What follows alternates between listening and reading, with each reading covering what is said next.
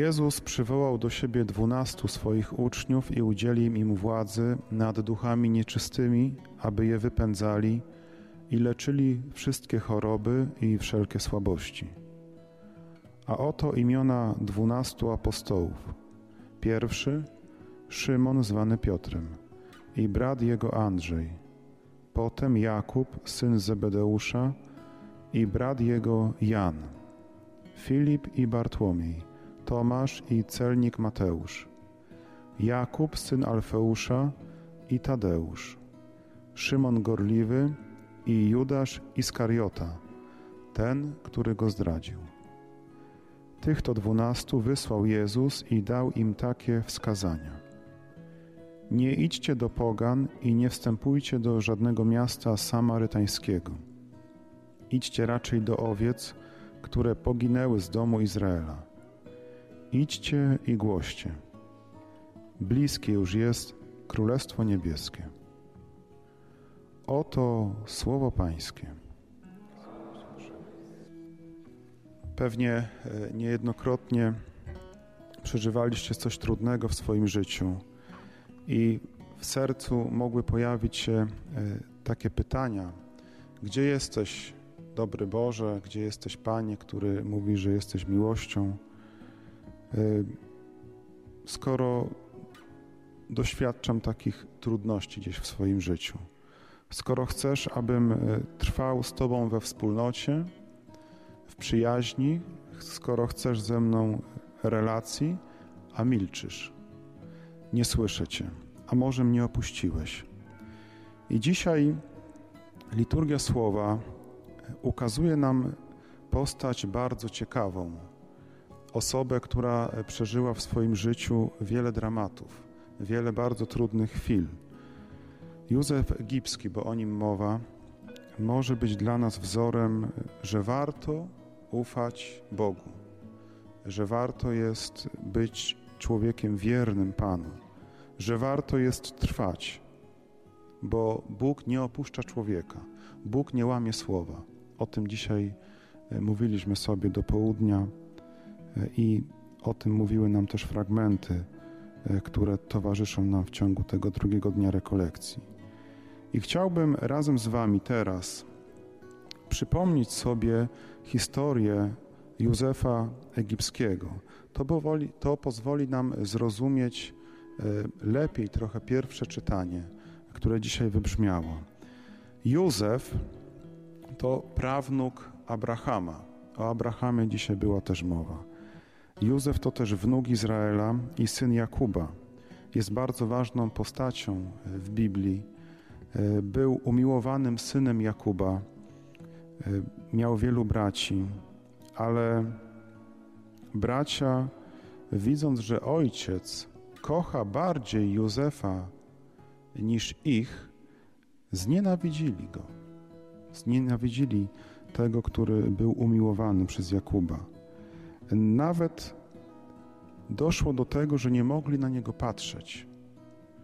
Nie znosili jego wyglądu. Nie zdobyli się nawet na to, żeby przyjaźnie z nim rozmawiać. I tak patrząc na relacje w tej rodzinie, to straszne, że bracia aż tak bardzo nienawidzą jednego ze swoich, że zazdrość w ich sercu gdzieś wzięła górę. Na dodatek Józef miał taki dar od Boga. On otrzymywał od Pana sny. I jeszcze wtedy, gdy był w domu, nie mógł ich zrozumieć, ale dzielił się tymi snami ze swoimi najbliższymi.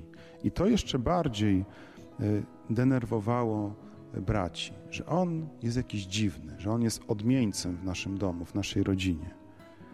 Pewnego dnia ojciec e, Józefa posłał go, żeby odwiedził braci, którzy zajmowali się wypasem e,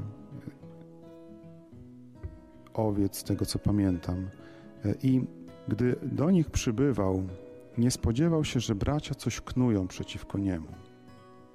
Początkowo, jak nam podaje Księga Rodzaju, bracia chcieli zabić Józefa. Chcieli go pozbawić życia.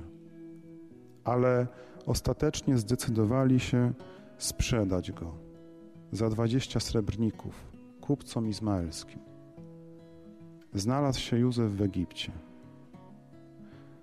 gdzie ponownie został sprzedany drugiemu człowiekowi, urzędnikowi faraona. Pomyślcie sobie, zdrada, srebrniki, miłość ojca. Czy postać Józefa przypomina wam kogoś? Dzisiaj wam mówiłem, że Stary Testament jest ukryty w Nowym, a Nowy gdzieś jest w Starym obecny. I co Józef mógł czuć wtedy, gdy otrzymał takie śmiertelne ciosy od swoich najbliższych, gdy był sprzedany? Jak on mógł e, postrzegać Boga w tych bardzo trudnych momentach? Może zadawał takie pytania: Gdzie jesteś, Boże? Gdzie jesteś? Na pewno takie e, pytania rodziły się w jego sercu. I pomimo niewoli, pomimo tego, że gdzieś był z dala od swojego domu rodzinnego, że był w innym kraju, to Bóg był z Józefem też. Nie opuścił Pan naszego bohatera. Błogosławił mu. Błogosławił mu do tego stopnia, że to błogosławieństwo spływało na tych ludzi, którzy żyli z Józefem. Spłynęło też na tego urzędnika, Potifara, urzędnika faraona, Egipcjanina. I spójrzcie, że biografia tego człowieka nie jest nudna, że tam ciągle się coś dzieje w jego życiu. Pojawia się nawet y, historia związana z romansem. Żona tego urzędnika chciała uwieść Józefa, ale on się nie zgodził na to, bo chciał być wierny Bogu. Gdy mąż się o tym dowiedział, bo ona oczywiście powiedziała, że y, Józef chciał zadać, położyć się z nią, chciał z nią spać, to mąż się zdenerwował i wtrącił go do więzienia, ale nie wiedział o tym, że Józef był niewinny. I po raz kolejny nasz bohater y, jest niesprawiedliwie oskarżony, spotyka go coś trudnego. I tak po ludzku patrząc, można się załamać. Można się załamać. Ale tu również, w tym więzieniu, Bóg nie opuszcza Józefa, bo daje mu y, zdolność tłumaczenia snów. I przychodzi taki moment, że faraon ma sny i nikt nie potrafi mu wytłumaczyć tego. I Pan Bóg stawia na drodze faraona Józefa. I on tłumaczy mu sen. I co się dzieje? Faraon ustanowił go zarządcą całego Egiptu. Był drugą osobą w Egipcie. Wiele przeszedł nasz bohater. Cierpienie, które go spotkało, spójrzcie, że zafundowali mu ludzie. Warto na to zwrócić uwagę, bo my czasami mamy taką tendencję, że to, co złe, to jest wina Boga. Obarczam Pana Boga za to. Spójrzcie, że Józef spotykał się z problemami, z wielkim cierpieniem, ale kto był autorem tego? Człowiek. Człowiek. I Józef nie złorzeczył Panu, ale ufał. I dzisiaj słyszymy w słowie, e, jak ci, którzy co zrobili? Sprzedali go do niewoli, stają przed swoim bratem, oni go nie poznają i proszą go o pomoc. I co on mógł zrobić? Mógł odpłacić im tym samym. Mógł przecież ich wtrącić do więzienia. Ale on tak nie robi. On tak nie czyni. Bóg wykorzystał e, dramat Józefa, żeby uratować naród wybrany. Popatrz, jaka historia. Pan Bóg to, co trudne, to, co ciężkie, potrafi z tego wydobyć dobro.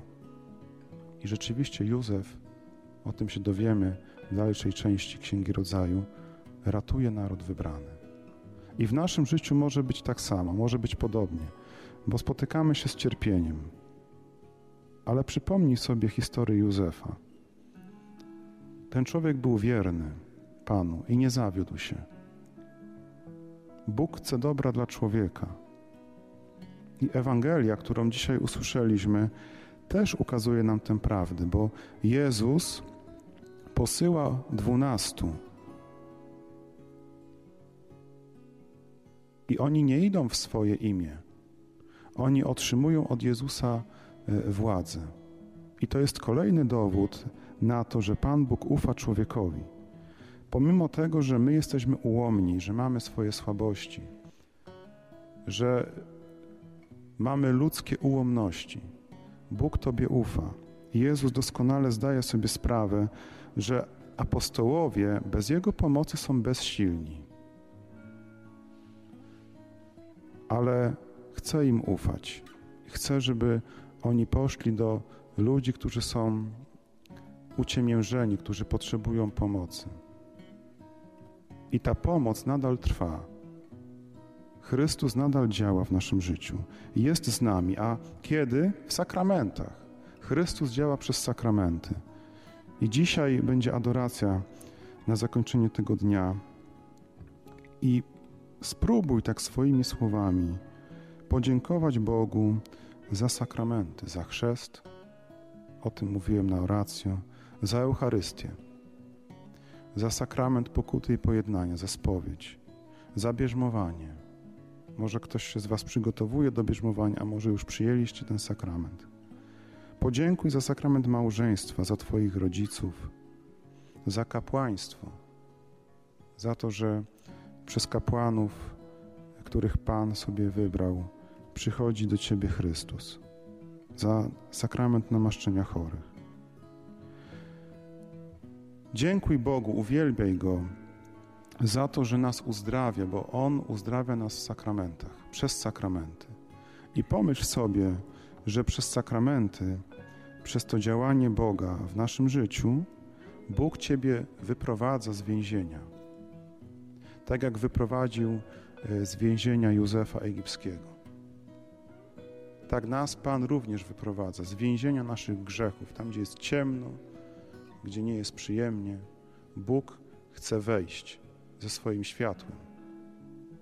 I właśnie On wchodzi do nas, do naszych serc, wtedy, gdy korzystasz z sakramentów, gdy żyjesz sakramentami. Gorąco Cię dzisiaj zapraszam do, do tego, aby dziękować Panu za to, że jest tak blisko, że jest na wyciągnięcie ręki. Bo Jezus Chrystus nie jest Bogiem odległym, ale Bogiem, który jest blisko, obok, który się daje cały. Amen.